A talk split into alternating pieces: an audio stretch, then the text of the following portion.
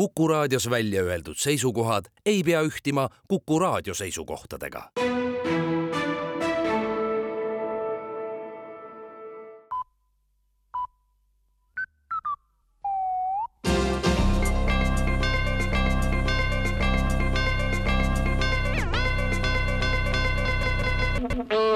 tere kuulama uudiseid stuudios Rohke Debelak tervisekassa annab teada, et alates detsembrikuust antakse iga nädala alguses elanikkonnale teada, millistesse haigustesse võib haigestuda, millistesse mitte. riigi rahalisi vahendeid arvestades ei saa me esialgu lubada endale kõikidesse haigustesse haigestumist ja haigestuda nii-öelda üle oma võimete. tervisekassa inventuur näitab, et järgmise aasta esimese kahe kuu jooksul on rahalisi vahendeid nohuraviks ja pöidlakipsi panemiseks samuti reguleeritakse tulevikus haigestumine inimese tasutud sotsiaalmaksu suurusega kes maksab rohkem sotsiaalmaksu, sellele antakse luba haigestuda ka raskematesse haigustesse.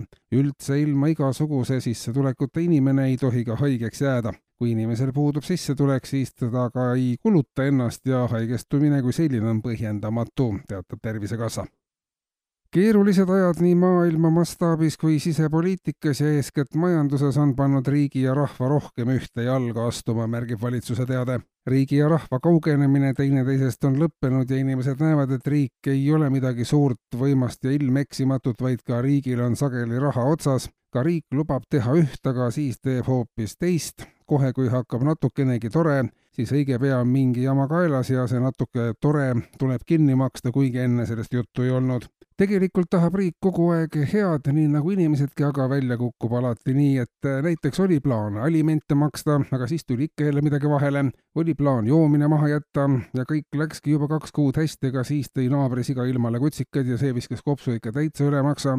rahva ja võimu kaugenemine on läbi saanud ja poole aasta kuni aastaga saabub olukord, kus kogu riigis valitseb juba täiuslik harmoonia kõrghariduse edasine senisest parem rahastamine on samuti leidmas lahendusi, annab valitsus teada.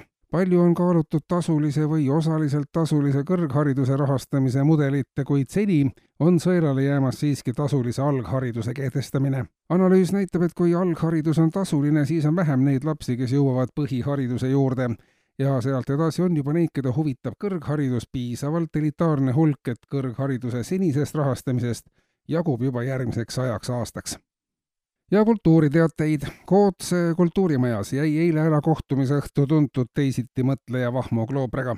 kuigi kohtumine oli kokku lepitud kella kuueks õhtul, mõtles Vahmo teisiti.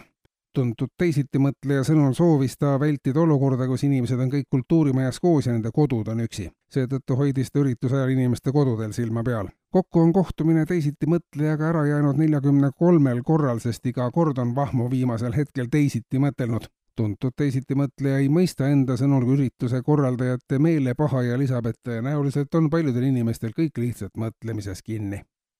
ja rubriik Tähtpäevi.